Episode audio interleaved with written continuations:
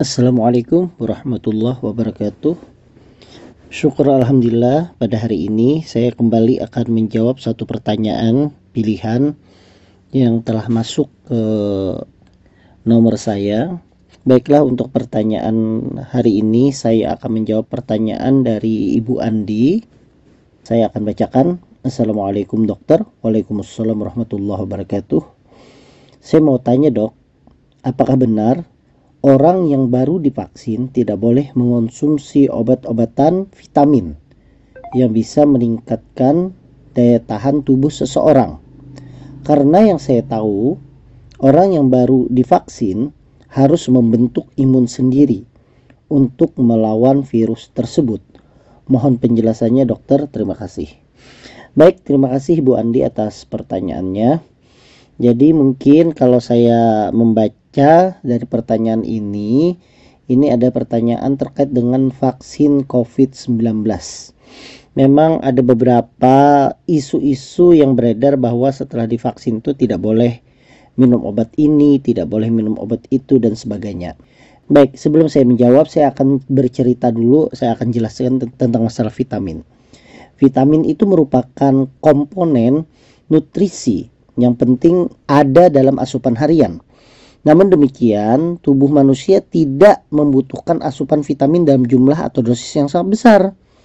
Secara garis besar terdapat beberapa vitamin yaitu vitamin A, vitamin B, vitamin C, vitamin D, vitamin E dan vitamin K yang masing-masing tentunya memiliki peranan yang berbeda-beda namun saling melengkapi. Nah, sebenarnya tidak ada larangan untuk mengonsumsi vitamin pasca mendapatkan vaksinasi. Dan justru sebaliknya, asupan yang bernutrisi dan bergizi sangat dianjurkan pasca mendapatkan vaksinasi. Hal tersebut bertujuan untuk membantu mengoptimalkan respon imun agar lebih baik dan meminimalkan kemungkinan terjadinya efek samping. Jadi betul apa yang dipikirkan oleh Ibu Andi bahwa sebenarnya justru orang yang baru divaksin itu harus membentuk imun sendiri untuk melawan virus tersebut. Nah, ada beberapa hal yang dapat dilakukan pasca mendapatkan vaksin. Antara lain, ya tentunya adalah tidur dan istirahat yang cukup. Cukup itu berapa jam? Memang tidak ada panduan khusus berapa jam, tetapi mungkin 7 sampai 9 jam per hari itu adalah tidur yang menurut saya sudah cukup.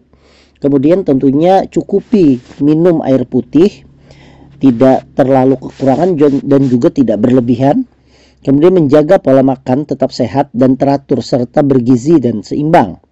Hindari kelelahan fisik maupun mental, kemudian lakukan relaksasi pikiran dan kelola stres dan hindari memijat atau memanipulasi area penyuntikan. Nah, area yang disuntik itu adalah area pada eh, tangan sebelah kiri, daerah mendekati bahu. Nah, selain itu, perhatikan pula beberapa efek samping yang perlu diperhatikan seperti bila terjadi demam yang tinggi, yang terus-menerus, maka konsumsilah obat penurun panas. Antara lain misalnya paracetamol.